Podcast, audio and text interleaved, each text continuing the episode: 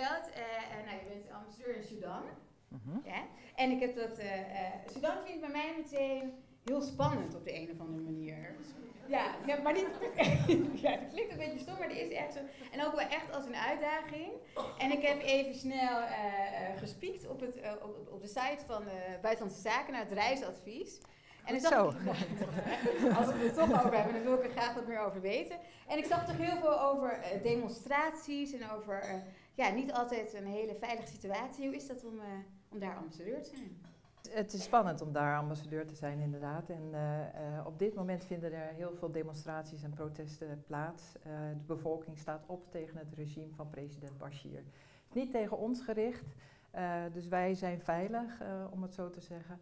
Maar het zijn wel spannende tijden, want nou, er is een hoop geweld op straat, veel traangas, geweerschoten en dat soort dingen. Ja, um, heel veel energie uit de zaal inderdaad, zoals onze secretaris-generaal ook al zei. En die heb ik ook nodig. We hebben een hele week achter de rug. De ambassadeursconferentie is pittig. We hebben een mooi programma gehad, is ook zwaar. Um, maar een hoop, hoop, nieuwe ideeën opgedaan en heel goed om met collega's te praten. En inderdaad, er zijn een paar collega's hier in de zaal. ik heb een praatje voorbereid over vrouwen empowerment niet zozeer sociaal ondernemen, want ik vond dat ook een beetje vaag inderdaad. Maar ik weet dat Rocky, Roxanne, daar wel iets over gaat zeggen. Rocky is mijn counterpart. Uh, wij hebben twee weken geleden, denk ik, al met elkaar gebeld en wat ideeën uitgewisseld.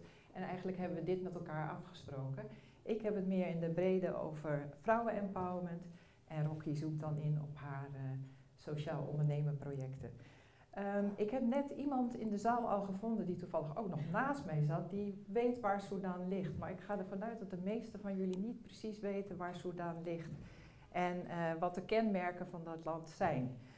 Um, misschien hebben een paar van jullie wel de serie Sahara van Bram Vermeulen van de VPRO gezien. De laatste aflevering in die serie ging over Soudaan. Nou, even een paar uh, kernwoorden om uh, jullie een schets te geven, zodat je weet in welke context uh, ik werk. En, uh, het is gevaarlijk nu af en toe, maar um, ligt ten zuiden van Egypte. het heet Arabisch Afrika te zijn. Het is islamitisch, enorm groot, 45 keer, 45 keer zo groot als Nederland. het is arm, bloedheet, woestijnklimaat. Uh, Arabisch sprekende bevolking. Bashir, de president, wordt gezocht door het internationaal strafhof dat hier in, uh, in, Den Haag in Nederland staat. Er zijn meer dan 1 miljoen vluchtelingen in het land. Nou, heel veel negatieve verhalen. En als Sudan in het nieuws komt, is dat vaak ook heel negatief. Um, ik probeer als ambassadeur altijd ook een beetje de positieve kanten te zoeken. En die zijn er natuurlijk altijd. Uh, en zeker onder de vrouwen. Daar kom ik zo op. Wellicht weten jullie ook dat door Soudaan de machtige Nijl stroomt, dat het een land is waar meer dan 100 piramides staan, waar de zwarte farao's hebben gewoond en waar de meest vriendelijke en gastvrije bevolking ter wereld woont. Een complexe omgeving, uh, een hardship post, zo noemen we dat uh, bij. Um, ehm, vrouwen in Soudaan worden al heel lang en stelselmatig onderdrukt. Maar ook in Soudaan, net als overal ter wereld, zijn er moedige en sterke vrouwen te vinden. En die net als wij hier uh, dromen, ambities hebben, uh, ontwikkeling nastreven, talenten hebben en willen etaleren, de wereld willen veranderen en verbeteren en vrede en democratie willen. En ik ben als ambassadeur in Soudaan op zoek naar die vrouwen. En die zijn er te vinden. Ik kijk uh, samen met mijn team hoe wij die vrouwen en meiden kunnen ondersteunen. En dat kan eigenlijk grofweg op twee manieren kom ik toch een beetje op dat ondernemerschap. Want een van de twee kanten waarop wij dat kunnen, is door ze economisch zelfstandig te maken. Dat kunnen we niet helemaal zelf, we kunnen ze daarbij wel helpen. Uh, zodat ze een eigen inkomen kunnen, kunnen verkrijgen en daarmee in ieder geval een positie uh, in het land kunnen verwerven. Een andere, ander aspect van vrouwen-empowerment in Sudan is zelfvertrouwen en zelfbewustzijn over hun rechten uh, promoten zodat ze een status kunnen verwerven en een positie kunnen verkrijgen. En dat past, als ik iets mag vertellen over ons werk als ambassade in Sudan, dat past in het kader van ons werk op mensenrechten, vrouwenrechten, vrouwen-empowerment. Allemaal onderwerpen waar wij als Nederland heel sterk op inzetten in Sudan. Naast onderwerpen als opvang in de regio, ik noemde al de grote aantallen vluchtelingen in Sudan, um, migratie-issues, economische weerbaarheid vergroten, aanpak van jeugdwerkloosheid. Ik ga zelf zoveel mogelijk het veld in. Ik vind het fijn om mensen te zien op de plekken waar ze wonen, in de dorpen, in de steden waar ze wonen, om iets van de situatie te zien waarin ze verkeren. En dan ook met hen samen te kijken waar de uitdagingen liggen, maar vooral waar de kansen liggen voor vrouwen. En die, vrouw, die kansen moet je af en toe zelf ook creëren. Je moet heel creatief zijn als ambassadeur om te kijken wat je met vrouwen en meiden in zulke moeilijke omstandigheden kan doen. Wie van jullie is de volgende president van Sudan? Vraag ik heel vaak aan jonge meiden als ik die ergens in het veld tegenkom. Ik bezoek vaak schooltjes. Dan zitten al die meisjes heel braaf op een rijtje. En als ik dat dan vraag, als binnenkomer, dan zie ik dat ze in schok zijn. Ze kijken alsof ze water zien branden. Dat is natuurlijk nog nooit aan hun gevraagd, althans, daar kom ik dan achter. Maar bij een enkeling zie ik dan ook wel eens het kwartje vallen. En dan zie ik ze denken, ja, waarom niet? Waarom zouden wij dat niet kunnen zijn? Mannen die, die snappen het meestal niet trouwens. en voor deze bijeenkomst vandaag heb ik uh, een paar voorbeelden van vrouwen empowerment in Sudan uitgekozen. Ik maak het even heel concreet, zodat jullie daar een voorstelling bij krijgen. Um, om vrouwen economisch weerbaarder te maken hebben we een paar projecten die hen helpen met uh, ja, small scale business, zeg maar. Uh, hele simpele voorbeelden. Uh, vrouwen diep in Soudaan hadden het idee om van de mangobomen de vruchten te plukken die daar hangen. En daar pulp van te maken, tot sap te bereiden en die in Khartoum te verkopen. Daar helpen we hen bij. We zorgen dat het hygiënisch bereid kan worden. We geven ze een cursus hoe je de markt kan benaderen. Uh, hoe je de flesjes kan vinden waar je het sap in wil verkopen. Al dat soort dingen, heel praktisch. En op die manier uh, maak je de vrouwen economisch weerbaarder. Hetzelfde soort project hebben we met ice cream. We hebben een diepvriezer voor ze gekocht. Ook geleerd hoe je in hygiënische omstandigheden moet werken en hoe je dan je ijs kan verkopen en daar een zakcentje mee kan verdienen. En in deze categorie valt ook ons meerjarig programma Breaking Gender Stereotypes. Ik denk dat de titel voor zich spreekt. De Soedanese vrouwenorganisatie uh, SIHA uh, die steunt uh, meiden die vanwege armoede of andere redenen geen vervolgonderwijs kunnen volgen en geen tea-lady of schoonmaakster willen worden, met een vakopleiding en begeleiding naar een goede werkplek. En dat klinkt hier in deze zaal misschien heel weinig revolutionair, maar besef je wel dat dit meiden zijn die een passie hebben voor typische mannenberoepen. Ze willen bromfietsenmaker worden, airco-reparateur, houtbewerker. Nou, en bedenk dan nog even de context van Sudan die ik in het begin schetste. En je begrijpt dat deze meiden het heel zwaar hebben. Nou, en via dit programma dat de ambassade financiert, hebben we een paar jonge meiden met deze vakopleiding geholpen. Uh, zodat ze hun eigen ontwikkeling te hand kunnen nemen. En van dit project hebben we ook een documentaire gemaakt. En nogmaals, die had ik hier uh, willen laten zien. Maar die gebruiken we op de ambassade uh, om andere vrouwen ook weer te inspireren. Uh, zodat ze ja, buiten de gebaande paden durven te denken. Uh, op 8 maart, Internationale Vrouwendag, doen we dat. en dat doen we, zoals ik al zei, alleen op de residentie, omdat het in Sudan te gevaarlijk en te provocerend is om zo'n film op andere plekken te vertonen. En dan een ander voorbeeld van hoe we vrouwen ondersteunen uh, is de International Girls Day. Ik weet niet of iemand van jullie daar wel eens van heeft gehoord. Het is een VN-dag, Verenigde Natiesdag, in november. Um, afgelopen november hebben wij drie jonge meiden van ongeveer 15 jaar uitgenodigd uh, op een dag, om een dagje mee te lopen als ambassadeur in feite. Ik heb ze laten ophalen thuis. We hebben ze zorgvuldig geselecteerd, met ouders gesproken, directeur van de school gesproken, want het gaat wel om jonge meiden natuurlijk. Uh, met de dienstauto opgehaald, naar de ambassade gehaald.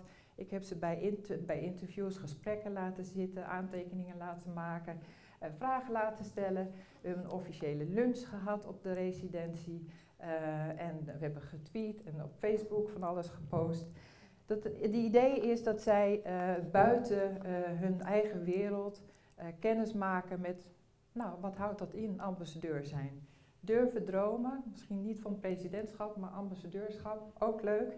Uh, en uh, dat is een groot succes geworden. En bij elk evenement wat wij organiseren over vrouwen, vrouwenrechten, vrouwen-empowerment, uh, nodigen we hen uit.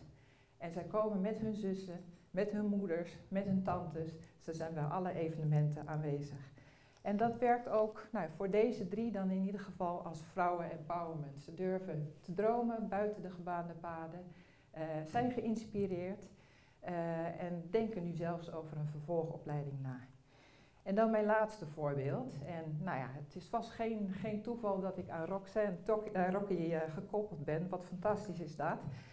ik zei jullie al, we hebben twee weken geleden even gesproken over de telefoon. Want wat wil het geval? in Sudan sponsor ik ook een vrouwenvoetbalteam. Um, en er zijn in, in Sudan heel weinig mannen die uh, ook maar enigszins uh, enthousiast reageren als ik, vertellen, als ik vertel over mijn uh, activiteiten met het vrouwenvoetbalteam. De vrouwen zelf natuurlijk wel. Maar nog even weer de schets. vrouwenvoetbal is immoreel, zo vindt de meerderheid in, in Sudan. Het hoort niet. Er is een fatwa over hun uitgesproken. dus het moet allemaal een beetje onder de radar, maar we doen het wel. Um, en ik maak zelf uh, af en toe een, uh, een uitstapje, uh, of ik ga echt op het voetbalveld zitten, op de bank, aan de zijlijn. Twee weken geleden heb ik dat nog gedaan. Het zijn iets van 13 jonge dames, 18, 19, 20 jaar, heel fanatiek. ze oefenen vijf dagen in de week naast dat ze studeren. ze hebben grote dromen. Maar nogmaals, de situatie is in, in Sudan heel moeilijk. Bovendien hebben ze geen financiering, want dat mogen ze officieel natuurlijk ook niet hebben. Uh, de Soedanese voetbalfederatie leent hun af en toe een veldje. Op dat veldje ga ik dan met hen zitten. Ik sponsor ze af en toe met een bal, uh, soms wat flesjes water of, uh, drankjes. Maar vooral door daar te zitten en met hen te spreken en hard voor ze te juichen en te klappen. en ze ook weer uit te nodigen op, op events, op de residentie, op de ambassade. Ondersteun ik ze, inspireer ik ze, motiveer ik ze om door te gaan en hun dromen na te streven.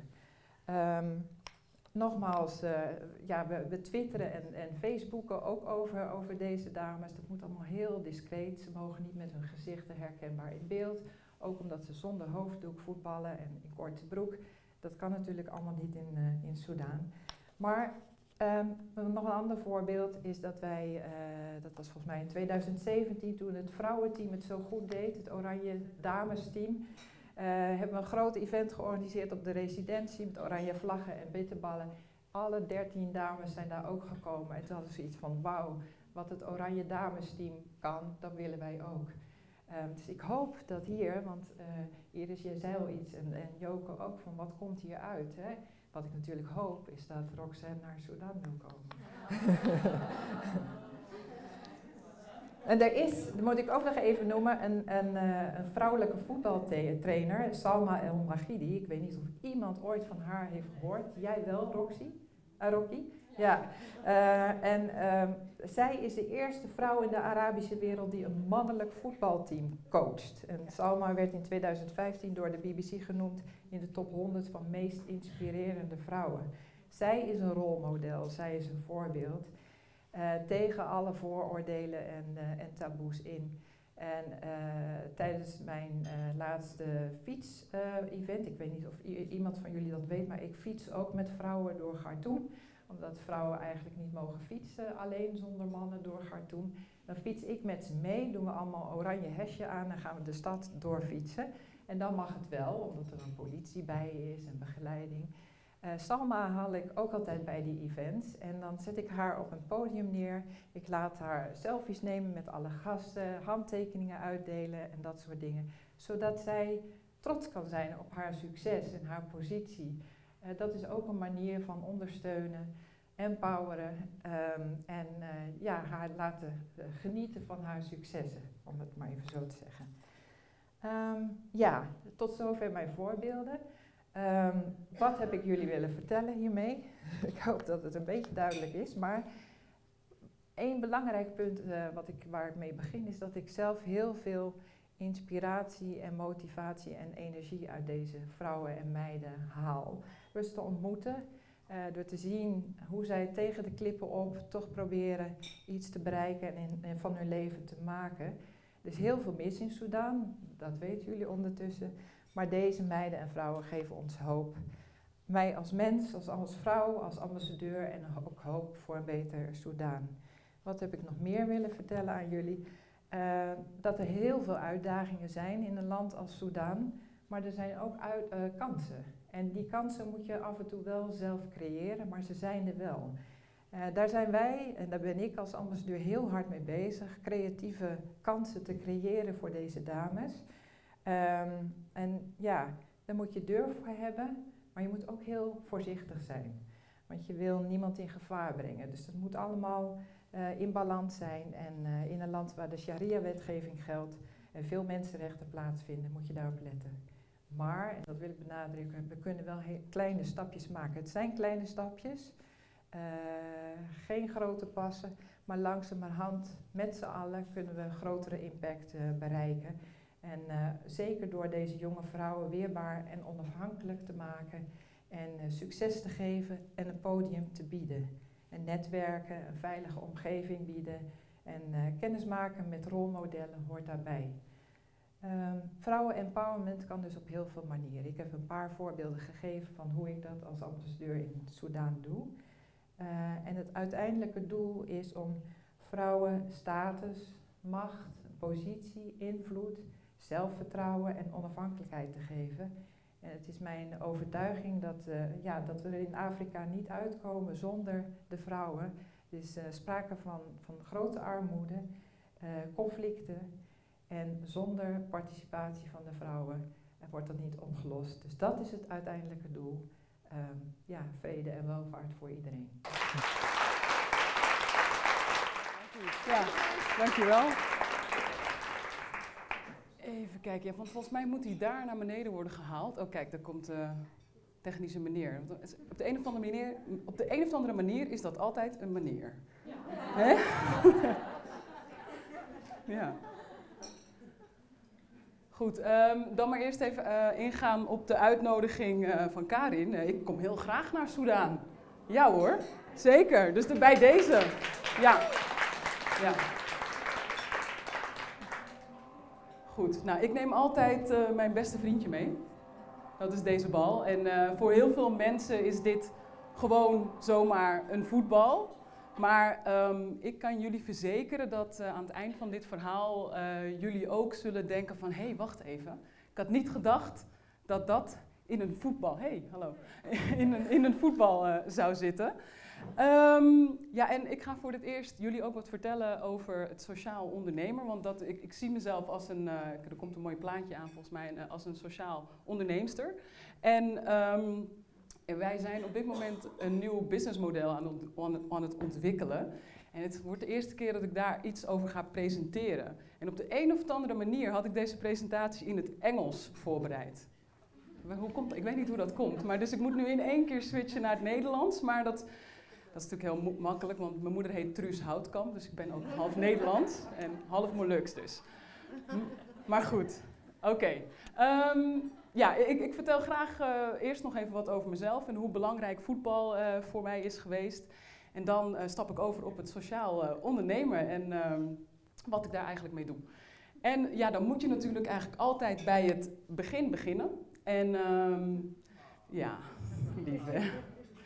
Was ooit heel lief en schattig. Maar, uh, ja, want sinds kleins af aan droom ik van voetballen in uitverkochte voetbalstadions. En ik ben opgegroeid in Uithoren. Dat is een plaats niet ver van Amsterdam. En dan woonde ik in een flat met tien verdiepingen samen met mijn ouders en met mijn broer. En vanaf die flat kon je in de verste verte het allermooiste stadion van Nederland zien liggen. We doen het op dit moment niet zo heel goed, maar uh, dat was uh, de Amsterdam Arena.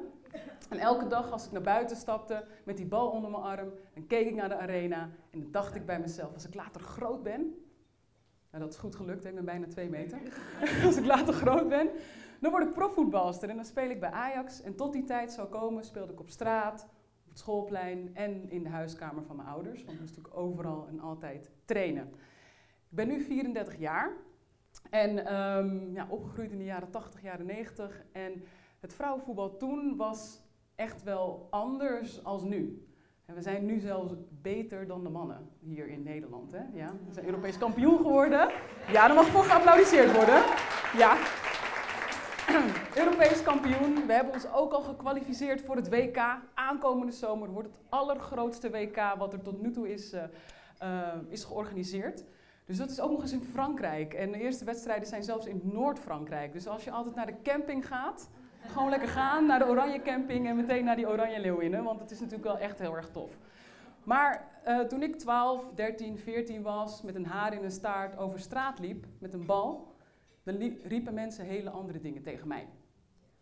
Hé, hey, manwijf. Ben jij nou een jongen of ben je nou een meisje? En ja, dat is, dat is eigenlijk heel gek, want dat is iets wat ik tot op de dag van vandaag nog steeds met mezelf meedraag. Want ik geloof heel erg dat datgene wat jij aan kinderen of jongeren geeft of projecteert, dat dat als een soort van klei in je oren blijft hangen. En dat je daar een zelfbeeld van boetseert. Dus als ik in de spiegel keek, dan zag ik een manwijf. En ik weet nog dat ik 14 jaar was, daar is ze, en ik uh, speel bij de Legmeervogels in Uithoren als het enige meisje in een voetbalteam met allemaal jongens. En we spelen een uitwedstrijd tegen Apkoude. En uh, ik sta links buiten en ik scoor drie doelpunten. Het is een hat-trick van het enige meisje van het veld en ik loop het veld af. En er komt een vader van de tegenpartij naar me toe. En die gaat voor mij staan en die zegt tegen mij... Ja, ze zeggen dat jij een meisje bent, maar daar geloof ik niks van. Trek je broek maar eens even naar beneden en laat dat aan me zien. Ja, bizar. Sta je met je, vol, met je mond vol tanden. En wat ik al zei, dat is een beeld wat ik eigenlijk tot op de dag van vandaag nog wel met me meedraag. Want ik stond laatst bij de bakker en toen zei iemand tegen mij: eh, Ja, uh, kunnen jullie deze meneer helpen? Ik zei: Meneer? Ja, lengte, misschien wat wijdere kleding, dan is het natuurlijk meteen uh, een meneer. Um, maar goed, um, ik wil toch even een filmpje laten zien om te laten zien dat, ondanks dat mensen me tegen wilden houden of meisjes kunnen niet voetballen, wil ik even laten zien dat ik dus echt heel goed ben. ik weet niet of de muziek er ook onder staat. Oh, nee, dat is hem niet. Even kijken hoor. We gaan even testen of de muziek het ook doet, want dit is wat de eerste keer. Ja, top.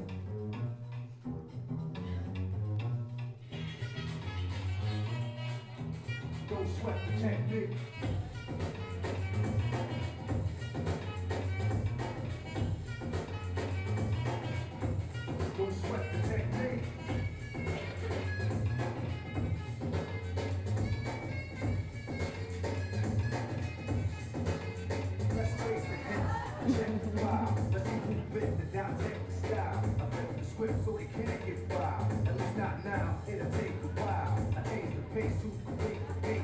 I drop the bass to see get weight but every road they trace. It's a scar they keep. It's when I speak, they freak the sweat the technique. I made my debut in 86 with a melody in president's mix. And I was there on club and introduced the mess. And I still make these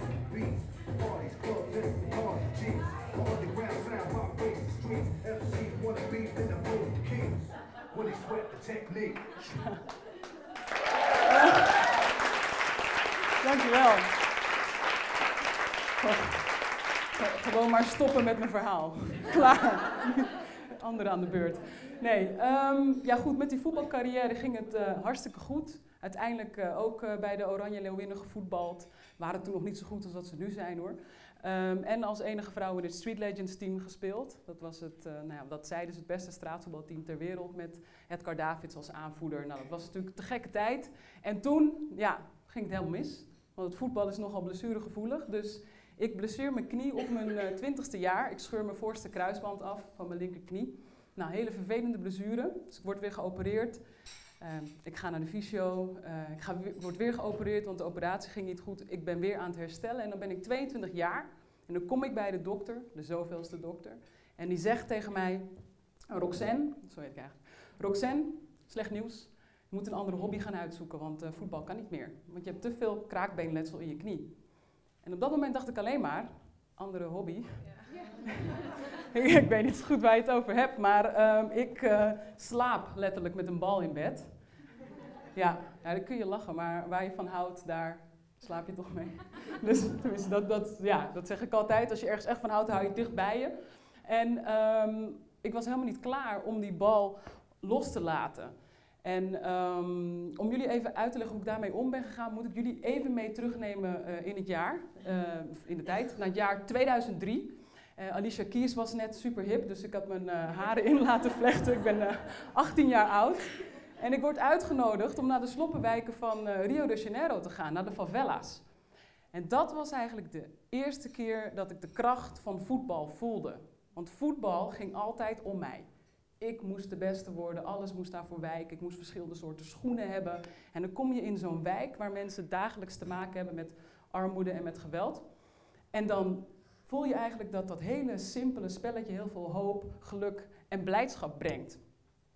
En dat is eigenlijk een zaadje die in mijn hart werd geplant op mijn achttiende.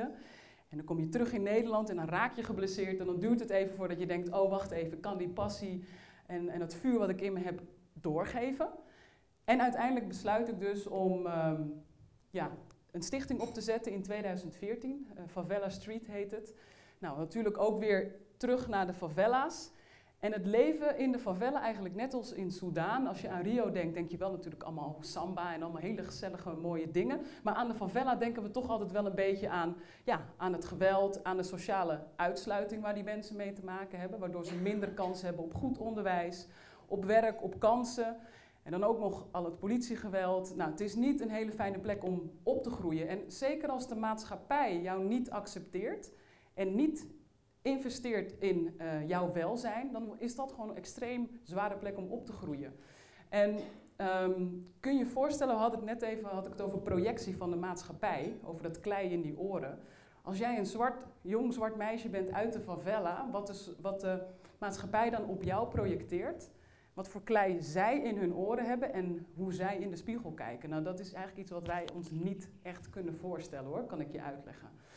Um, nou, ik heb even dit filmpje meegenomen en niet om nou allerlei cowboy verhalen, maar ik wil toch even laten zien, want um, dit heb ik zelf opgenomen met mijn telefoon. In 2016 tijdens de Olympische Spelen was groot feest in, uh, in de stad en um, hier werd ik mee wakker.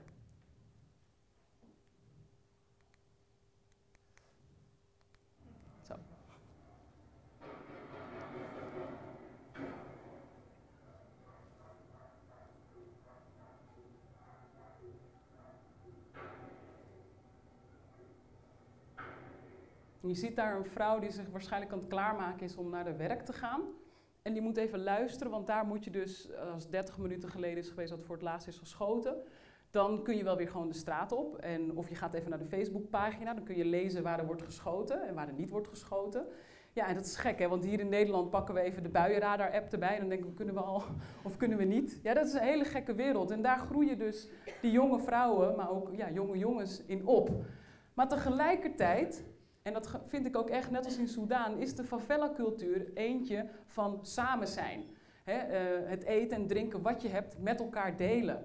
En ze zijn ontzettend creatief met het oplossen van die day-to-day problems. En hun veerkracht en levensvreugde, dat is echt verslavend, kan ik je uh, vertellen. En um, even kijken, ja, wat, wat, wij eigenlijk proberen te doen met Favela Street is... Um, ja, we proberen een nieuwe generatie rolmodellen neer te zetten, omdat wij geloven dat die, dat die favela een fantastische plek kan zijn als je je richt op de potentie en het talent van die jongeren en hun daarmee probeert te empoweren en eigenlijk tegen die negatieve invloeden probeert te vechten. En hoe doen we dat? Met voetbal dus. Dus uh, we leiden jonge meisjes op tot uh, zelfstandig voetbalcoach in de wijk. En um, dat is eigenlijk die eerste stap in iets terugdoen voor de community. Maar we gaan veel verder dan alleen maar een beetje voetballen. En dat wil ik eigenlijk even schetsen met Claudiani. En uh, Karin, jij vertelde net uh, dat uh, ja, Salma in, op, in de lijst van 2015 staat. Nou, zij staat op de lijst van 2017 van die BBC 100 Women. Maar zij komt uit de favela Lixão. En Lixão betekent vuilnis. Maar dan kun je een beetje voorstellen waar ze vandaan komt en wat haar kansen zijn. Ze begon als voetbalster en op dit moment, ik heb haar in 2013 ontmoet, is, uh, heeft ze haar eigen voetbalproject. Geeft ze wekelijks voetbaltraining aan andere meisjes. En heeft ze, uh, we hebben een brug weten te bouwen tussen haar en uh, de maatschappij. Want ze heeft een aantal internationale uitwisselingsprogramma's gedaan. Heeft onder andere Engels geleerd in Cambridge. Nou, bizar. En zij is echt een, een rolmodel geworden voor die meiden, omdat ze ook dagelijks voor die groep met meiden staat. En is dus ook een van die meiden die op die BBC 100 Women lijst staat. Allemaal succeservaringen die onwijs veel doen met dat zelfbeeld en het zelfvertrouwen van dat meisje die in eerste instantie dacht, nee, ik ben niet echt iemand en ik kan niet echt iets. En die nu in de spiegel kijkt en denkt, hé, hey, ik mag er zijn en ik kan ook iets. Dus dat, dat is eigenlijk wat we doen met Favela Street.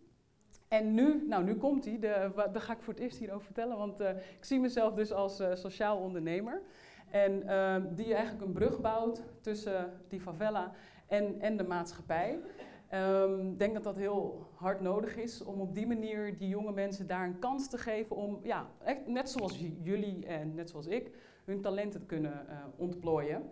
En hoe doen we dat? Want ik heb dus een, uh, ik heb een ultieme droom. En heel veel mensen verklaren me voor gek. Maar ik zeg dat we de eerste um, Favela University, Business University gaan neerzetten. Dat gaan we in de favela doen. En uh, ja, waarom gaan we dat doen? Omdat ik geloof dat als we een plek kunnen creëren waar um, die rolmodellen uit die favela, met al die skills die ze hebben, hè, net wat Karen ook zegt, je kunt zo ontzettend veel van die mensen leren. Um, als we die nou samen kunnen brengen met mensen zoals jullie, professionals van hier, en daar samen met elkaar gaan delen en leren, ervaring en kennis uitwisselen, dan denk ik dat is dat voor mij het hoogste niveau van sociale inclusie, waar we van elkaar kunnen leren, als je het mij vraagt.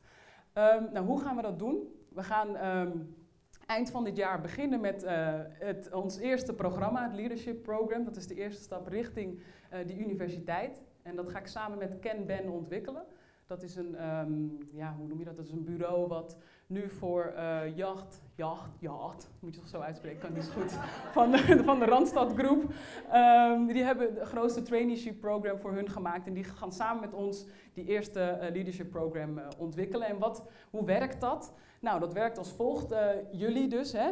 Mensen met allemaal aktentasjes, allemaal professionals, die, die, die leren in eerste instantie in Nederland en die komen uiteindelijk naar de favela toe. Dan word je gekoppeld aan die inspirerende rolmodellen in de favela. En dan leer je eigenlijk allerlei ja, belangrijke skills van. Hè. Ze zijn ontzettend creatief in het vinden van oplossingen. Maar ik denk dat als jij een team kan coachen in een favela, dan weet ik zeker dat jij dat als manager op de werkvloer ook kunt. Um, nou, maar dat niet alleen, zij leren ook van jullie. Jullie hebben ook allemaal skills, kunnen hun ook een stap verder helpen. En belangrijker nog, jullie maken hun wereld groter. Met je netwerk, met je resources. En um, als we dat bij elkaar kunnen brengen, dan denk ik dat we dat, uh, ja, dat, dat we niet alleen werk creëren voor de mensen daar lokaal in de favela. Um, we er ook voor zorgen dat we mensen en kansen met elkaar kunnen koppelen. Uh, maar ook mensen hier echt een onvergetelijke ervaring kunnen geven die je de rest van je leven meedraagt. Want als ik niet op mijn achttiende in die Sloppenwijk had gestaan, dan had ik niet gedaan wat ik nu doe. En natuurlijk is mijn passie voetbal, maar je kunt er zoveel meer leren dan alleen maar nog beter voetballen. Dus um, eigenlijk is dit natuurlijk een open uitnodiging, want dit is, uh, dit is de eerste keer dat ik dit deel. Um, ik geef best wel veel presentaties, dus dit is de eerste kans waarvan als jullie nu al denken van hé, hey, dat vind ik te gek, ik wil eind van dit jaar toch wel meedoen aan zo'n programma, want um, dat kost natuurlijk geld. Uh, maar dat zorgt er ook voor dat het geld wat we daarmee gaan verdienen direct teruggaat naar de projecten uh, die we daar hebben.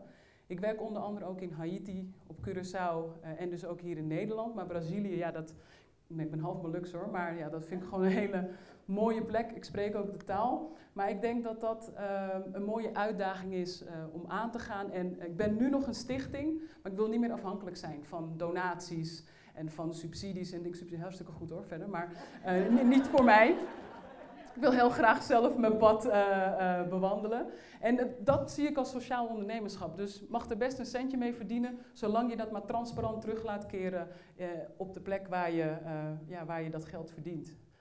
Dat was mijn verhaal. Dank jullie wel. Welkom en Caroline is ambassadeur duurzame ontwikkeling en Arktisch ambassadeur. En dat klinkt heel erg koud. Ik doe meteen denken aan de Noordpool en aan, en aan dat soort dingen. En uh, uh, ja, ja, het doet me ook een beetje denken aan het klimaat ook wel. Maar je hebt daarnaast ook ambassadeur duurzame ontwikkeling. Dus zou je heel in het kort kunnen vertellen wat je precies doet? Ja, natuurlijk. Ja, sinds we thuis hebben ontdekt dat ik ook de titel van Arktisch ambassadeur heb, noemen ze me de ijskoningin. Daar ben ik niet zo blij mee. Uh, maar in mijn werk uh, ben ik binnen het ministerie van Buitenlandse Zaken in Den Haag. Dus ik ben een van de ambassadeurs die niet in het buitenland werkt, maar juist in Den Haag. Uh, verantwoordelijk voor al het werk dat wij doen op het gebied van klimaatverandering. Hoe gaan we dat internationaal tegen? Maar ook voor de ontwikkelingssamenwerking op het gebied van water, voedsel, landbouw en aanverwante dingen. Wat we bijvoorbeeld doen is zorgen dat mensen toegang hebben tot water of tot schone energie. Uh, of dat ze een zonnelamp kunnen kopen met financiering die ze dan later ook weer terugbetalen. Nou, helemaal duidelijk. En, en we gaan natuurlijk nog meer over duurzaamheid horen. Ik zeg, we komen een klein stukje naar voren. En dan geef ik eerst de microfoon aan jou en dan uh, gaan we lekker beginnen. Nog één groot applaus.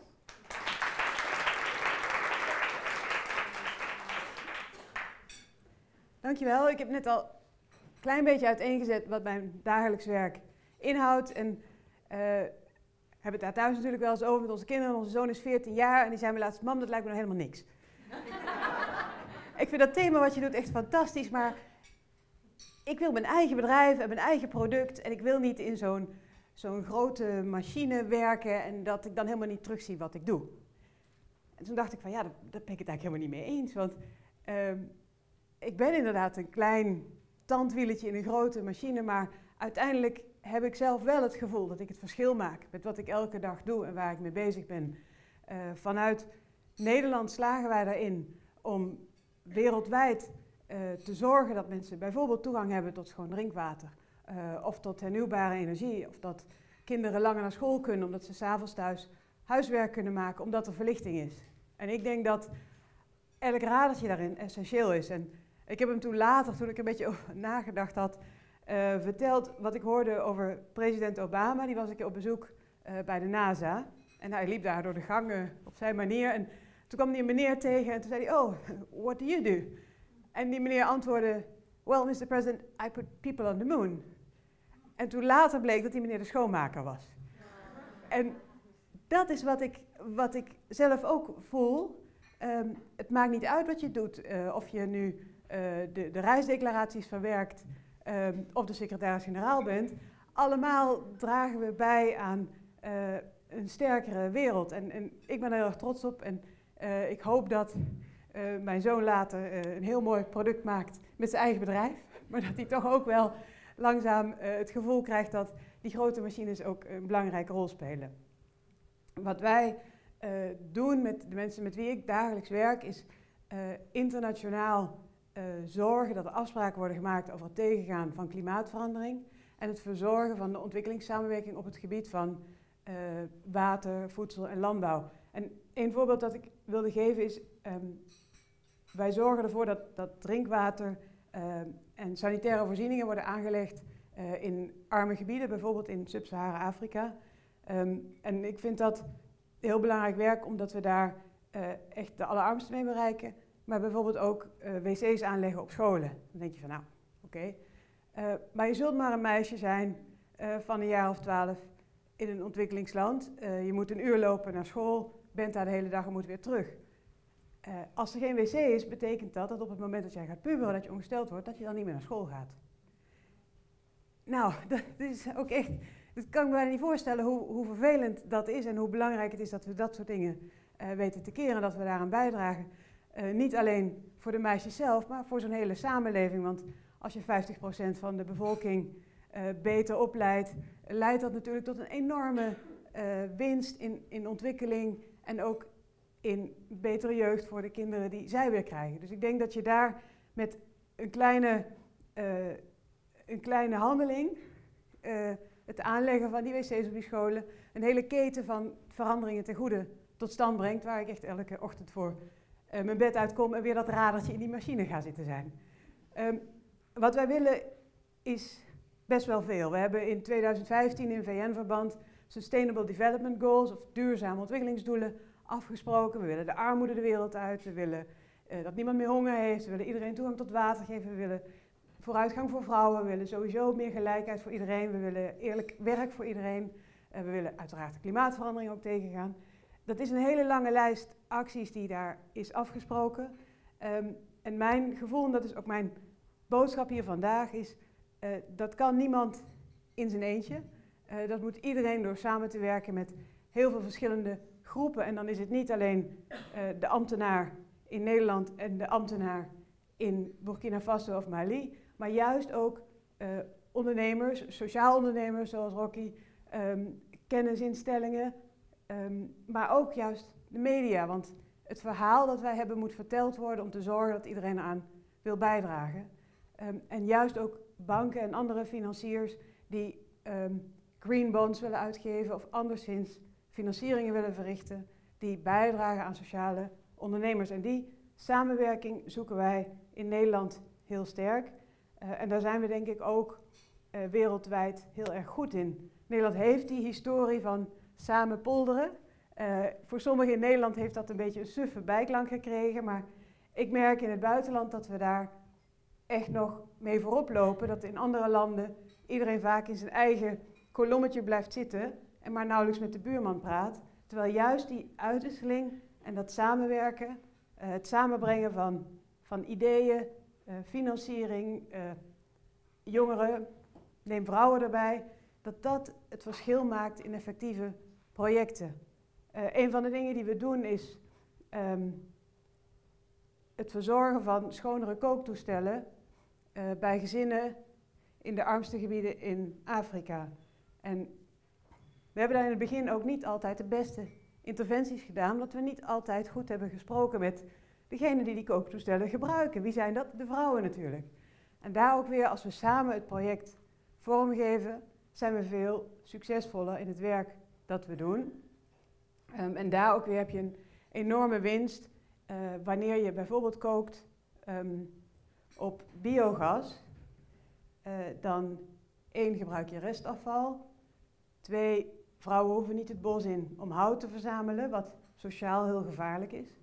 Drie, het bos leidt minder, dus blijft langer staan.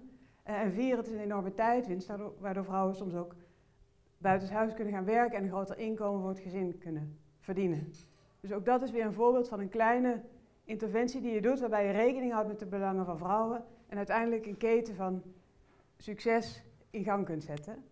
Um, en daar hoop ik dat we met Nederland ook in samenwerking uh, kunnen blijven doorgaan met het neerzetten van innovatieve uh, concepten om anderen te helpen uh, hun welvaart te ontwikkelen. Dat is mijn hoop voor de toekomst. En natuurlijk hoop ik ook dat mijn zoon dan daar een mooi product voor een leefbare planeet aan kan toevoegen. Dank jullie wel.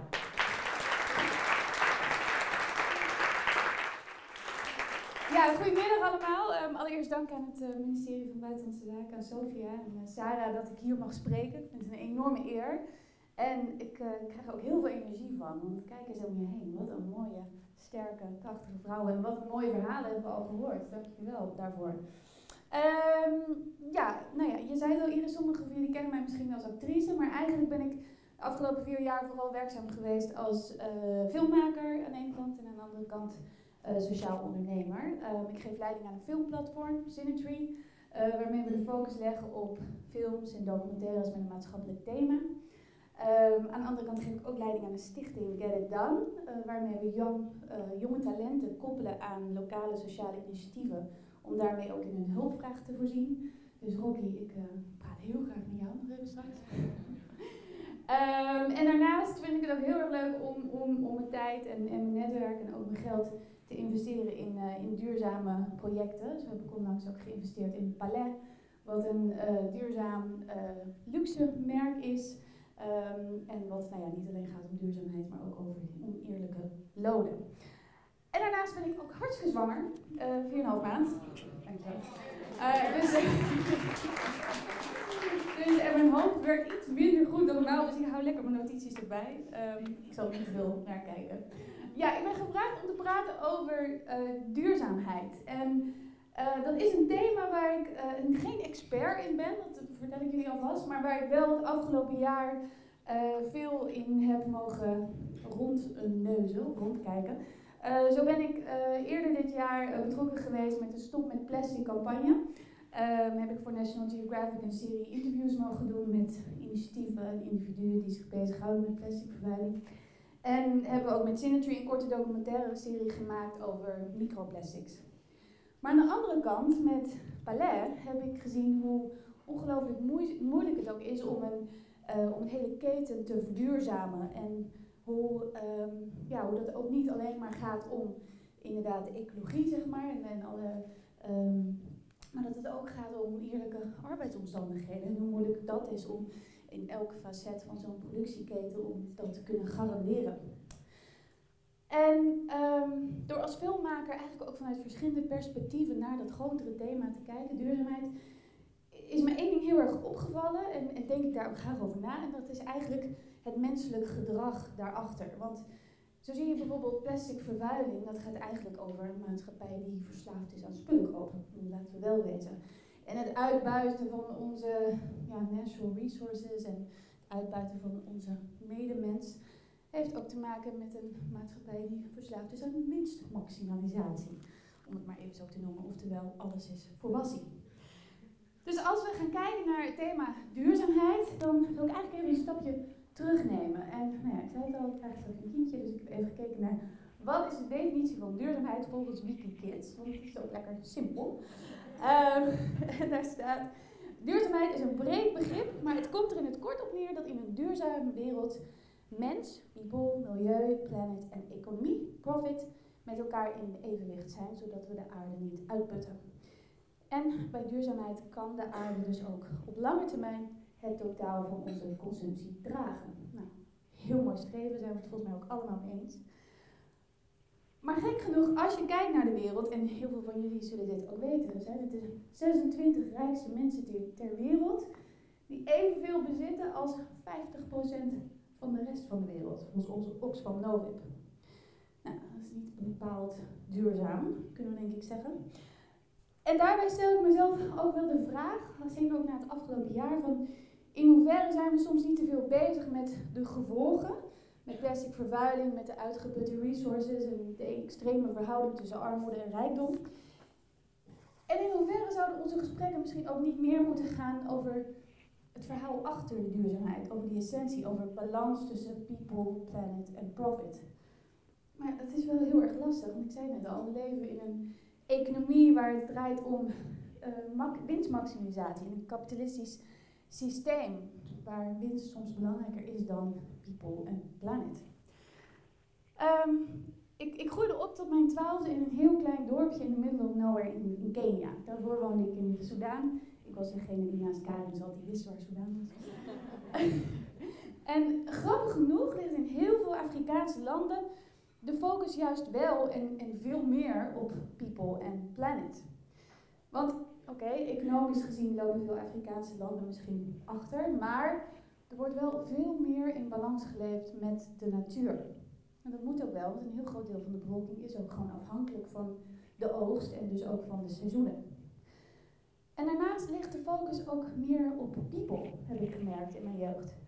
Uh, misschien kennen jullie het thema uh, of het principe Ubuntu. Zegt iemand dat iets?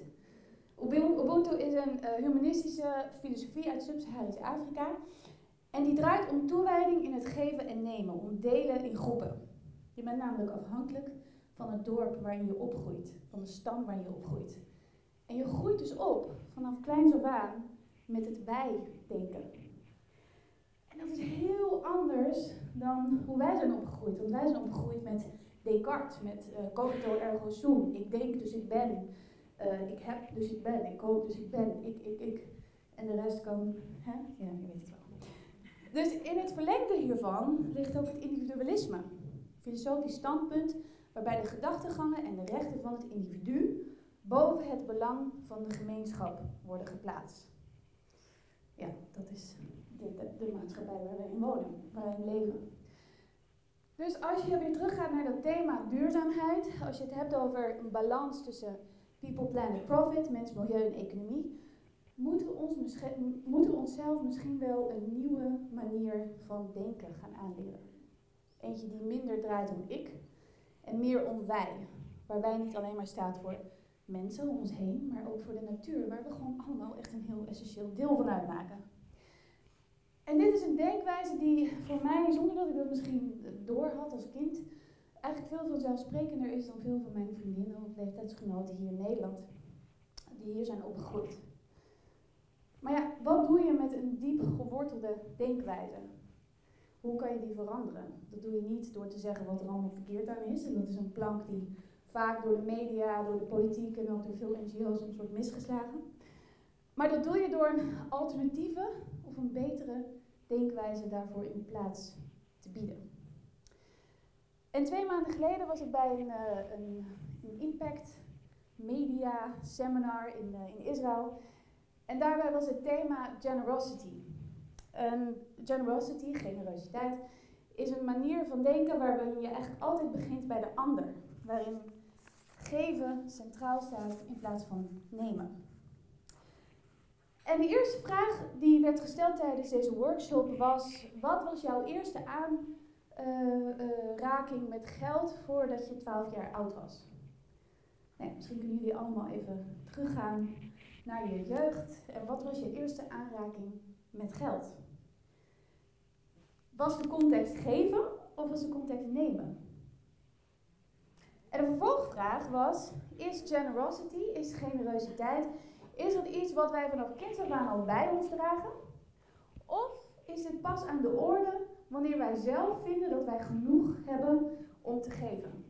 En, nou ja, voor logische vervolgvraag, wanneer is genoeg genoeg? Want misschien is het wel helemaal andersom.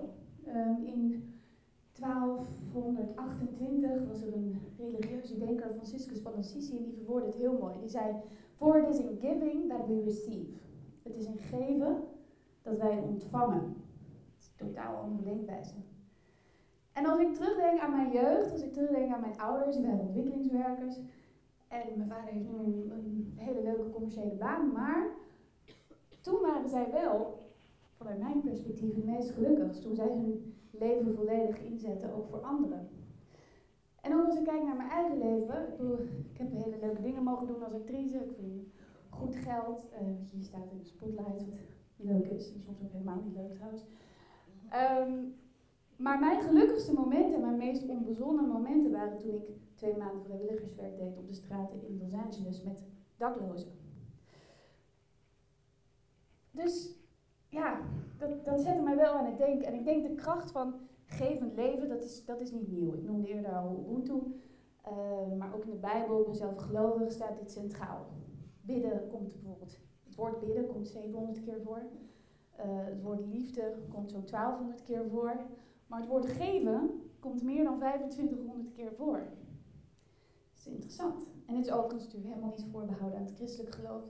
Het geven staat centraal in heel veel religies, ook in het boeddhisme en in de islam. Ha, en even bij Zwangerschap. Maar, ik ben ook heel enthousiast over het. Um, maar er is dus iets heel magisch in, in de term uh, generositeit, in, in generosity. Want geven haalt je namelijk weg bij jezelf. Genoeg is genoeg. En laten we eerlijk zijn, we hebben allemaal meer dan genoeg om te geven. Zowel monetair, zowel qua geld, maar zeker ook qua natural resources. En begrijp me niet verkeerd, dit is niet een oproep tot massaal uh, vrijwilligerswerk gaan doen, maar het is wel een oproep tot een andere manier van denken in hoe we werken, in hoe we met anderen omgaan. Een manier van denken die niet alleen op winst uit is, op de, op, ja, ja, op de verrijking van ik, maar ook op het verbeteren van de levens van de mensen met wie we werken en de omgeving waarin we werken, leven. Want gevend leven in plaats van nemend leven is volgens mij de kern van duurzaamheid. En het is dan ook geen verrassing dat duurzaamheid eigenlijk altijd heel erg relationeel is. En dat duurzaamheid dus ook net als relaties tijd nodig heeft. Want we kunnen er heel veel over praten, en er wordt ook heel veel over gepraat. Het is ook een heel hip onderwerp, hè, duurzaamheid. Maar het gaat niet over één nacht ijs. En dit gaat ook, weet je, zoals Carola ook noemde, dit gaat door alle lagen van de samenleving heen. Door politiek, economie, consumenten. Een grote shift van het ik-denken naar het wij-denken. Van individualisme naar collectivisme. Van winstmaximalisatie naar een balans tussen people, planet en profit. En daarom wil ik ook afsluiten um, vanmiddag met een oproep aan jullie aan vrouwelijke leiders. Want nou ja, de zaal zit er vol mee. Inspirerende vrouwen, jullie hebben allemaal een leidende rol in, in wat je doet, waar je werkt, waar je leeft. En, en zonder te vervallen in stereotypes is het namelijk wel een feit, want bij mannen staat het winnen vaak centraler. De winstmaximalisatie. En bij vrouwen draait het toch vaak veel sneller om relaties. En ik citeer daarom uit het stuk Lerende Leiders van Marie-Christine Kreets. Vrouwen in organisaties worden vaker gezien als verbinders. Met oog voor de mens achter de medewerker en gevoel voor waar zorg en aandacht nodig is. Waar vrouwen meer zouden openstaan voor wat hun medewerkers en collega's beweegt, gaan mannen meer taakgericht aan de slag. Wat moeten die medewerkers doen en bereiken? Beide rollen zijn belangrijk. We hebben ze allebei nodig. Maar de aandacht, met name in het Westen, is wel heel erg lang geweest op een masculine maatschappij, op mannelijk leiderschap. Dus als we het vanmiddag hebben over het thema duurzaamheid, over een nieuwe manier van denken, van ik naar wij, dan kunnen we er niet omheen. Wij, vrouwen, spelen een unieke rol, hebben een unieke manier van leiding geven, die cruciaal is als het gaat om duurzaamheid. Dankjewel.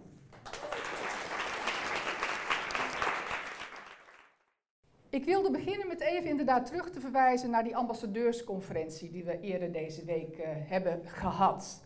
En een van de thema's waar we heel uitdrukkelijk bij hebben stilgestaan is wat Buitenlandse Zaken nou moet doen om als ministerie relevant te blijven.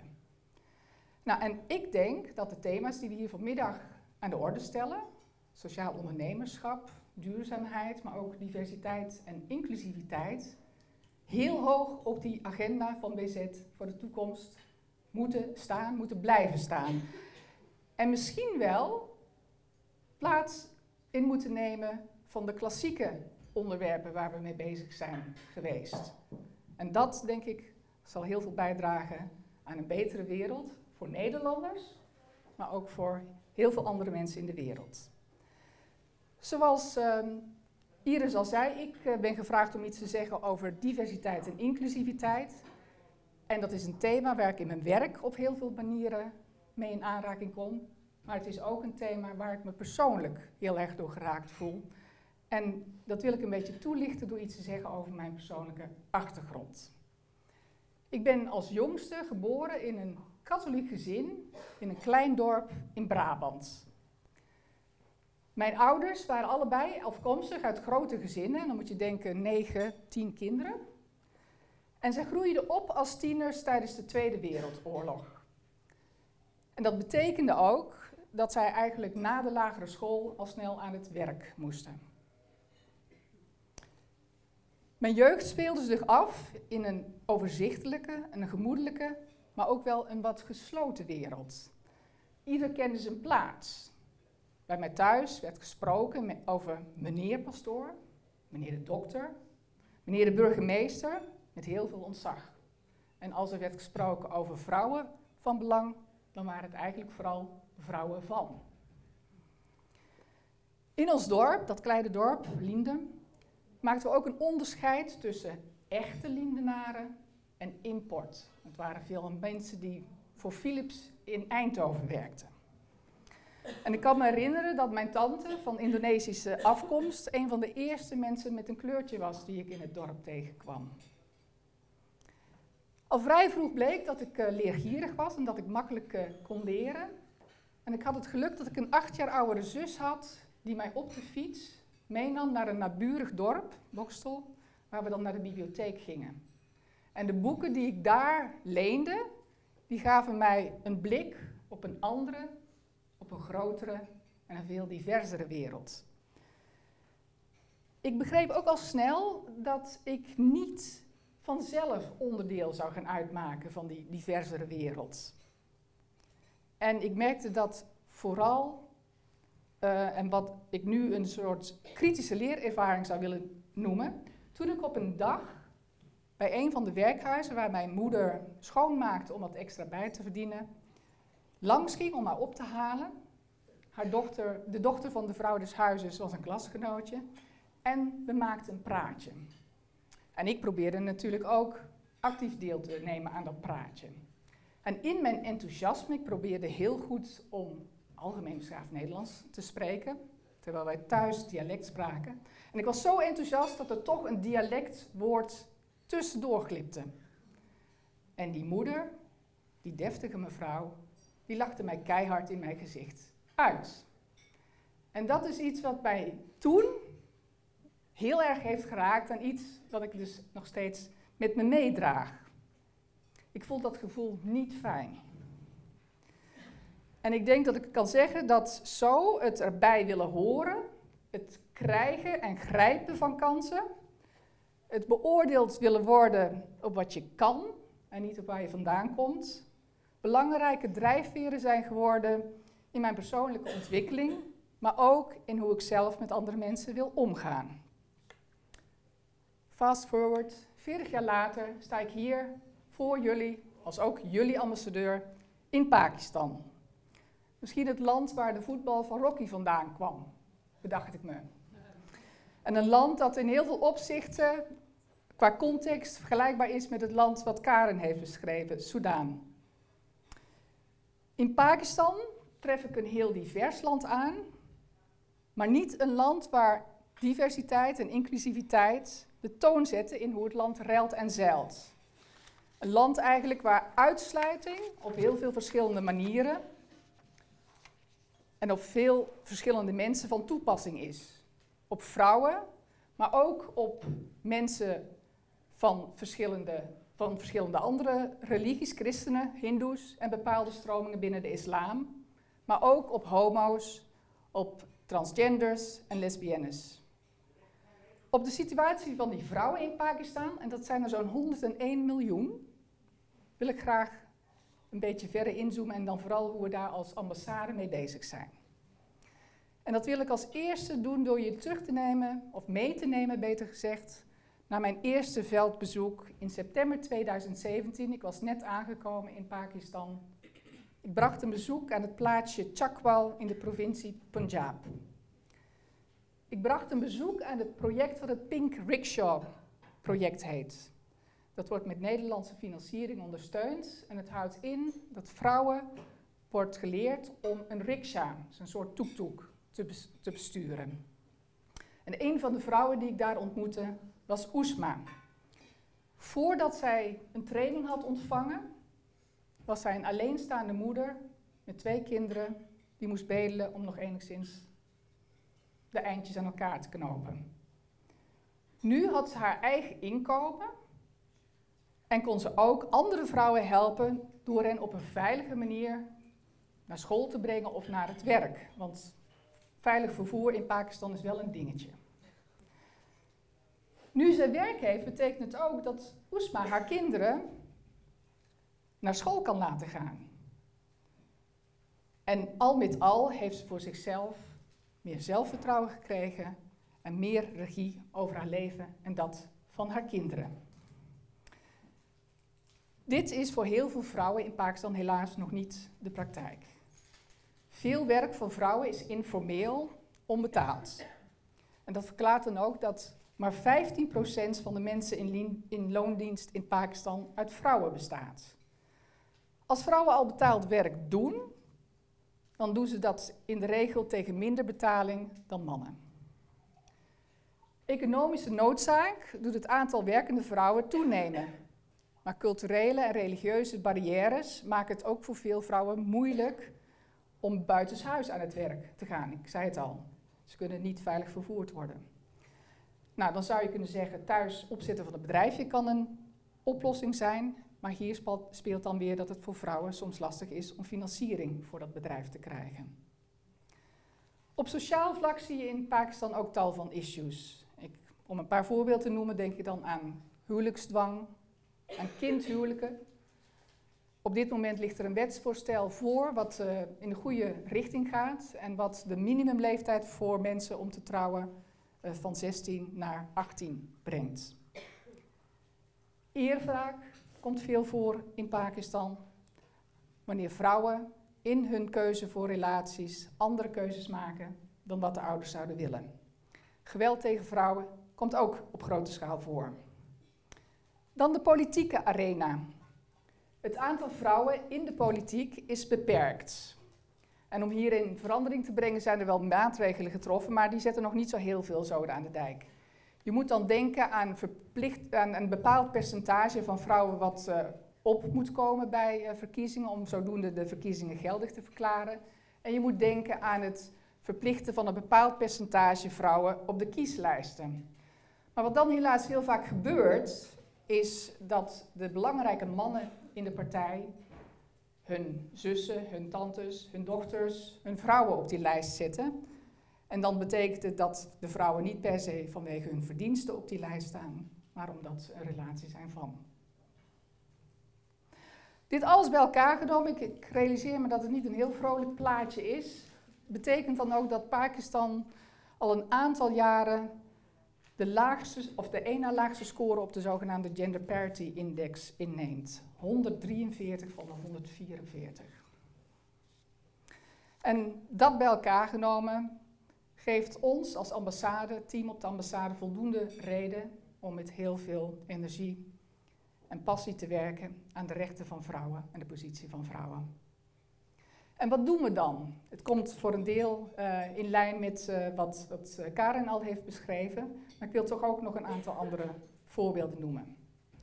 Uiteraard is het belangrijk om in heel veel gesprekken die we voeren met de overheid, zowel op het nationale niveau, maar ook op, bij lagere overheden in de provincies, die mensenrechtenproblemen, die slechte positie van vrouwen, onder de aandacht te brengen. Het betekent ook dat je dat wel met kennis van zaken moet doen. En daarom is het belangrijk dat we af en toe, wat wij dan noemen, het veld ingaan en bezoeken brengen aan projecten van NGO's zoals Oxfam Novib om te zien wat gebeurt er nou in praktijk. Wat zijn die problemen waar vrouwen tegenaan lopen? We zijn weliswaar geen land waar ontwikkelingssamenwerking een uh, prioriteit is of waar wij uh, een focus aan geven, maar we hebben wel wat middelen tot onze beschikking. En die proberen we dan ook gericht in te zetten op, vrouw, op, pro, op projecten die de positie van vrouwen helpen verbeteren. Bijvoorbeeld door microkredieten te verschaffen, waardoor vrouwen eigen bedrijfjes op kunnen richten. Maar ook door vrouwen te helpen zich te organiseren en hun issues te helpen zetten op de agenda van de lokale politiek. Wat ik ook vaak doe, is naar universiteiten gaan en een praatje houden voor studenten. Vaak uh, zijn mannen en vrouwen gescheiden, maar uh, afhankelijk van wat het gehoor is, probeer ik ook een beetje mijn praatje aan te passen. En een beetje in lijn opnieuw met wat er al eerder is gezegd, ik ben dan soms verbaasd over de basis, de basale kwesties waar jonge meiden soms mee komen. Zo kan ik me herinneren dat ik in een van mijn eerste gesprekjes uh, hoorde van een meisje wat heel graag tennis zou willen spelen, maar dat niet kan omdat je dan bepaalde kleding aan hebt en dat is niet de bedoeling in Pakistan. Als ik zo'n gesprek voer met, met jonge meiden, maar ook met jonge mannen, dan hecht ik er ook heel erg aan om te benoemen dat we in Nederland zeker niet alle wijsheid in pacht hebben en dat we ook in Nederland nog aanlopen tegen bepaalde kwesties die we niet hebben opgelost. Zo hebben we in Nederland nog nooit een vrouwelijke premier gehad. En in Pakistan is het toch alweer enige tijd geleden dat Benazir Bhutto aan de macht was. Dat ze vermoord is, heeft misschien ook wel iets te maken met het feit dat ze vrouw is. Onder het kopje duurzame handel en investeringen proberen we het bedrijfsleven te bevorderen. Maar dat betekent ook dat als er Nederlandse bedrijven actief zijn in Pakistan, dat ik de vraag stel: wat doen jullie nu? Creëren jullie werk specifiek voor vrouwen? Doen jullie iets aan kinderopvang? Zorgen jullie ervoor dat de vrouwen die bij jullie werken op een veilige manier naar het werk kunnen komen? Om de misstanden, maar ook om eventuele oplossingen waar we aan denken, om inspirerende verhalen te delen, gebruik ik veel sociale media. Ik ben actief op Twitter en op Facebook. En specifiek gedurende de 16 dagen van Activism Against Violence on Women probeer ik de boodschappen van NGO's, dus die maatschappelijke organisaties die met Nederlands geld soms aan het werk zijn in Pakistan, hun boodschappen te versterken en op die manier een bredere uit, het breder uitdragen van die boodschappen te bewerkstelligen. We hebben ook steun gegeven aan een Nederlandse NGO, sorry, niet een Nederlandse NGO, aan een NGO die Pakistaans-Nederlandse vrouwen die te lijden hebben onder huwelijksdwang of die het slachtoffer zijn geworden van um, huiselijk geweld opvang te bieden. Nou, dit alles, dat doen we natuurlijk niet in ons eentje. We zijn onderdeel van een bredere internationale gemeenschap. En daarnaast zijn er uiteraard ook tal van lokale organisaties aan het werk. En meer en meer zie je ook dat in Pakistan het besef doordringt dat het werken aan deze problematiek niet alleen een kwestie is van mensenrechten die moeten worden nageleefd, maar vooral ook een kwestie van een sterkere sociale, economische ontwikkeling, omdat ook de belangen en de talenten van vrouwen zo meegenomen kunnen worden. Het leggen van verbanden wordt gezien als een belangrijke competentie voor diplomaten. En in mijn ervaring leg je die verbinding het makkelijkst als je op zoek gaat naar wat jouw overeenkomst is met die ander die tegenover je zit. En dat je niet de nadruk legt op wat je van elkaar onderscheidt. Dat is nou net onhandig, hè? dat ik op dit punt even mijn blaadje moet opslaan. Um, dus de focus waar je elkaar kunt vinden en dat in de meest wezenlijke drijfveren, de uitdagingen waarmee je worstelt en de ambities die je hebt. Verbindingen tot stand brengen en die scheidslijnen proberen te slechten, is ook voor het bevorderen van diversiteit en inclusiviteit cruciaal.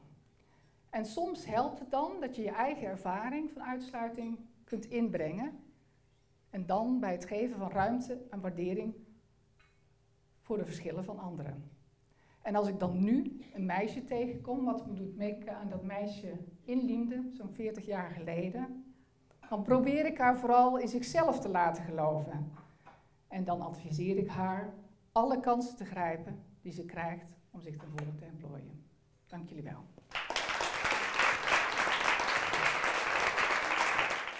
Ik, ik, ben de laatste spreker van vandaag en zoals ik al zei, uh, dit uh, blokje gaat over diversiteit en inclusiviteit. Ik zal me nog even snel voorstellen voor de mensen die mij misschien niet kennen. Uh, ik ben Iris van Lunenburg. Ik ben presentator. zo heb ik afgelopen november, even terugdenken, een programma gepresenteerd over gemengde relaties. Dat heet Iris Onderzoekt op NPO 3. We zijn nu bezig met een nieuw programma en dat komt later in het jaar op tv. Uh, daarnaast schrijf ik elke vrijdag een column in de metro. Dus vandaag ook. Mocht je in de trein naar huis uh, zitten en normaal de metro niet oppakken, doe dat dan nu wel. ik raad het je aan. Ik schrijf over actualiteit en over het nieuws en ja, wat verder nog allemaal ter tafel komt. Um, uh, daarnaast ben ik ambassadeur van het Rode Kruis Prinses Margriet Fonds. Dat is een hele mond vol. maar wat we daar doen is, we proberen daar ook jonge meisjes ook te empoweren door scholen te bouwen. En vooral duurzame scholen doen we in Haiti, want daar ben ik geboren. Dus Rocky, ik wilde ook zeker even met jou praten zometeen. Ik ben geboren in Port-au-Prince. Na drie maanden ben ik naar Nederland gekomen, naar Emmen, het parel van het noorden. Zoals het ook wel genoemd wordt. Ik ben geadopteerd, dus vandaar dat ik ja, naar Emmen ging, denk ik dan. Ja, um, nou goed, een leuke intro zo. ik zei het al, we hebben het over diversiteit en inclusiviteit. En Sofia heeft aan mij gevraagd of ik daar iets over wilde zeggen.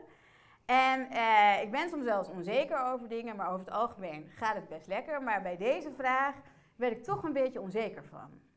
Want dan is toch je eerste gedachte, of in ieder geval mijn eerste gedachte, is dan toch: oh nee, ze zal toch niet aan mij hebben gevraagd omdat ik donker ben. Ze zal me toch niet alleen maar als mijn kleur zien. Terwijl ik weet dat dat niet zo is. Ik bedoel, hè, je hebt me en gevraagd. Nou, ik kan het toelichten. Iris heeft een programma Iris Onderzoek. En ik vind dat heel erg interessant. Ik ben zelf half Marokkaans. En ik vind het heel erg grappig hoe mensen soms op bepaalde nationaliteiten kunnen vallen. Dat ze bepaald donker of licht. Ik ben vanuit het huis uit opgevoed, opgevoed zonder kleur te zien. En daar hadden we het ook over. Ja. Uh, bij ons was het altijd een mengelmoes van culturen thuis. En we hadden uh, halfbroertje geadopteerd in het gezin. Dus allemaal verschillende kleuren liepen bij ons thuis. En ik vond Iris Onderzoek een heel mooi programma. Dus toen ik dit onderwerp sprak met Sarah, dacht ik eigenlijk direct aan Iris. Schroom je niet om dat nog eventjes uh, aan te klikken op www.npostart.nl slash Iris Onderzoekt. Hebben we dat uit weg, maar, maar dankjewel Sofie inderdaad, want dat was inderdaad de reden erachter. En maar het is toch grappig dat dat dan uh, mijn eerste reactie is. En dat is ook waarom ik toch altijd een beetje het onderwerp uh, diversiteit ja, toch wel een beetje meid, omdat ik zo bang ben om in een hokje geduwd te worden. Want ik denk altijd, ik ben veel meer dan mijn kleur en dat klinkt een beetje cliché, maar het is, je wordt zo snel in een hokje geduwd en dat hokje heeft dan als stempel kleur of huidskleur, of uh, diversiteit, of racisme, of de Zwarte Pieten discussie. Wat echt vreselijk is, waar je eigenlijk liefst niet zo heel veel mee te maken wil hebben. Dus dat is heel snel dat je heel snel daarin uh, wordt geduwd. En ik heb een voorbeeld, en dat is eigenlijk best wel een recent voorbeeld. Want ik werd een paar uh, weken geleden werd ik gebeld door een redacteur, door een redacteur van een Radio 2-programma. En zij stak echt meteen van wal. Zij zei, jij hebt het altijd over kleur, jij maakt altijd programma's over kleur, jij schrijft altijd columns over kleur. Ik probeerde daar een beetje tussen te komen van, hè, volgens mij is dat helemaal niet waar. Dat is gewoon echt niet waar. Ik heb, sommigen weten, bij het Parool gewerkt, daar schreef ik schuim en daar mocht ik leuk feestjes recenseren. Dat is een echte baan, ja. Dat was, dat was heel leuk. Ik mocht elke dag naar een ander feestje en anderhalf jaar. En na 300 feestjes dacht ik, nou oké, ik moet het anders doen. Maar heeft dus niks met kleur te maken. Um, ik was verslaggever voor Kado en CRV, voor Johanna het Rond. Nou, ging ik het hele land door, had ook niks met kleur te maken. Uh, voor Linda TV deed ik leuke dingen. Uh, ik schreef stukjes voor Quote, die heeft Sofia ook gedaan. Um, had ook niks met kleur te maken, maar toen zie je hoe snel je toch in zo'n hokje geduurd wordt. En dat is eigenlijk een beetje waarom ik altijd, ja, misschien toch een beetje bang ben voor dat hele onderwerp.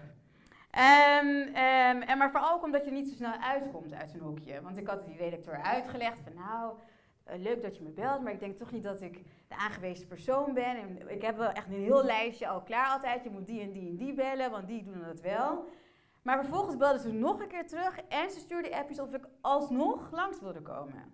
Dus zelfs al wil je zelf niet in zijn hokje, heel vaak word je er toch met heel veel, heel veel echt inge, inge, ja, nou ja, ingehoekt, zou ik bijna willen zeggen.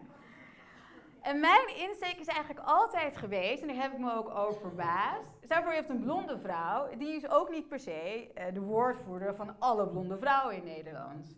Of het stereotype van alle blonde vrouwen. Bijvoorbeeld, uh, ik noem iets, neem Linda de Mol. Je zal nooit zeggen dat zij hetzelfde is als Sophie Hilbrand. Of Sophie Hilbrand weer hetzelfde als Chantal Jansen. Dus ik vraag me dan altijd af, waarom zou het dan met vrouwen die op mij, zijn, uh, mij lijken dan wel zo zijn? Dat vind ik lastig. En daar probeer ik me altijd een beetje uh, ver weg uh, van te houden. want um, ja, hoewel Linda de Mol wel echt een voorbeeld van me is, dat wel, lijkt ze natuurlijk helemaal niet op mij. En ik denk dat dat ook wel, dat het gewoon kan. Dat je niet altijd iemand hoeft te hebben die op je lijkt. Um, maar toch sta ik hier. Toch sta ik hier en heb ik uh, uh, ja, de uitdaging aangenomen van Sophia. Omdat ik ook merkte dat uh, toen ik opgroeide, en ik vertelde al eventjes, ik heb in Emmen gewoond. En nou ja, daar was ik het enige donkere meisje. Allah, weet je, dat was de jaren tachtig zou je denken. Dat is dan nog wel gewoon hoe het toen was. Maar vervolgens ging ik naar Den Haag. En daar woonde ik in een buurt. En was ik eigenlijk ook nog steeds het enige donkere meisje. Vervolgens ging ik studeren bij een studentenvereniging. Was ik ook nog steeds het enige donkere meisje. En nu in de media zijn nog steeds niet heel veel donkere vrouwen. En ook in mijn buurt, als ik een hapje ga eten of als ik iets ga drinken, ben ik nog steeds heel vaak de enige. En wat mij opvalt is er dat ik denk van, ik weet niet of dat anno 2019 nou nog zo normaal is. Ik denk niet dat het helemaal klopt. En um, uh, vooral toen ik het programma Iris Onderzoekt ging maken, inderdaad, over gemengde relaties, dat was eigenlijk voor het eerst dat ik me echt heel erg bewust van was dat ik de enige of een van de weinigen was. Want ik kreeg naast dat ik uh, reacties kreeg van mensen van, nou, wat een mooi programma. Of sommigen zeiden ook wel een stom programma. Helaas, er is Twitter, dus dat hoort er helaas ook bij. Maar ik kreeg heel veel berichtjes van vrouwen en meisjes uit het land, zoals ik. Voor het eerst, die allemaal zeiden, wat fijn, niet zozeer dat jij er bent, maar wat fijn dat er iemand zoals ons is op tv. Want jarenlang hebben wij echt inderdaad, en uh, nou, Rocky zei het al eventjes, uh, dat je als je uh, als donker meisje in Brazilië bent, dan heb je een, hè, niet zo heel erg vrolijk zelfbeeld van jezelf. Maar in Nederland hebben wij ook als, ik denk als donkere vrouw, in ieder geval ik, zo lang een soort van raar stereotype tot ons gekregen. Ik denk dat we allemaal wel de film Alleen maar net de mensen kennen. Ik heb het opgezocht, dat is alweer vier jaar geleden. Maar nog steeds zijn er mensen die het leuk vinden om het aan te halen. Nog steeds. Op de een of andere manier is dat toch echt zo. Dus er zijn heel weinig uh, positieve rolmodellen nog. En ik denk dat daar dan misschien dan wel uh, uh, een rol voor mij weggelegd ligt. Dus dat is dan toch een soort van, zoals de Amerikanen het noemen, zo van catch-22. Aan de ene kant wil ik het gewoon niet over hebben. Ik wil gewoon gewaardeerd worden voor wie ik ben en voor wat ik kan en niet voor hoe ik eruit zie of voor wat voor huidskleur ik heb. Maar aan de andere kant denk ik toch, toen ik opgroeide, toen was er echt alleen, nou alleen, er was opa. Ik zou ik nooit alleen noemen, maar Allah.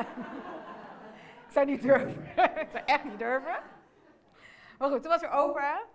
En nu is er Michelle Obama en het is, in Amerika is dat. Zij zijn echt, nou ja, voor mij super inspirerend en heel fijn dat ze er zijn. Maar als je naar Nederland kijkt, als ik de enige ben of een van de weinigen, is dat gewoon veel te weinig. Daar kunnen we echt lang en kort over uh, praten, maar dat is gewoon echt veel te weinig. Dus ik denk dat daar echt voor mij een rol in zit. Maar daarnaast is natuurlijk de vraag, hè, want we zitten hier met z'n allen. Uh, wat kan je nou doen om je eigen omgeving of je eigen werk meer divers te maken? Dat is een vraag die krijg ik heel vaak. En ik moet eerlijk zeggen, ik heb er niet een pasklaar antwoord op. Ik heb er gewoon echt niet een pasklaar antwoord op. Ik ben geen voorstander van ja, wat sommige mensen positieve discriminatie noemen. Ik ben, ja, ik ben er gewoon niet per se eh, een voorstander van. Als je kijkt naar het bedrijfsleven, er zijn nog steeds veel te weinig vrouwen aan de top. En ik zou inderdaad, had je mij drie jaar geleden gevraagd, ben je voorstander van een quotum? Had ik gezegd nee. Maar nu denk ik daar ook wel anders over. Dus ik denk toch dat we, omdat de zachte manier blijkbaar niet helemaal helpt, dat je gewoon een klein beetje moet doorduwen. Maar dat is het grotere geheel. Ik denk vooral, en ik denk dat dat aansluit bij wat we al eerder hebben gehoord. Ik denk dat de kracht echt zit in samenwerken en, en met elkaar optrekken. En dat je ook in je eigen omgeving eens een keer kan denken van, nou, hoe, hoe divers is eigenlijk? Hoe, hoe divers is mijn omgeving nou echt? Mijn eigen bubbel, maar ook mijn werk. En wat zou ik er zelf aan kunnen doen? Ik denk dat dat kleine dingen zijn, kleine stapjes. Want je kan helaas niet in je eentje de hele wereld uh, veranderen. Dat zou fijn zijn, maar dat lukt niet. Dus mocht je inderdaad in je werk soms iets tegenkomen waarvan je denkt van... hé, hey, dit klopt niet. Of hé, hey, wacht, hier moet ik wat meer... Spreek je uit. Dat zou ik willen zeggen. Of laat in ieder geval iemand weten dat je er voor iemand bent. Maar ook geef iemand anders een kans.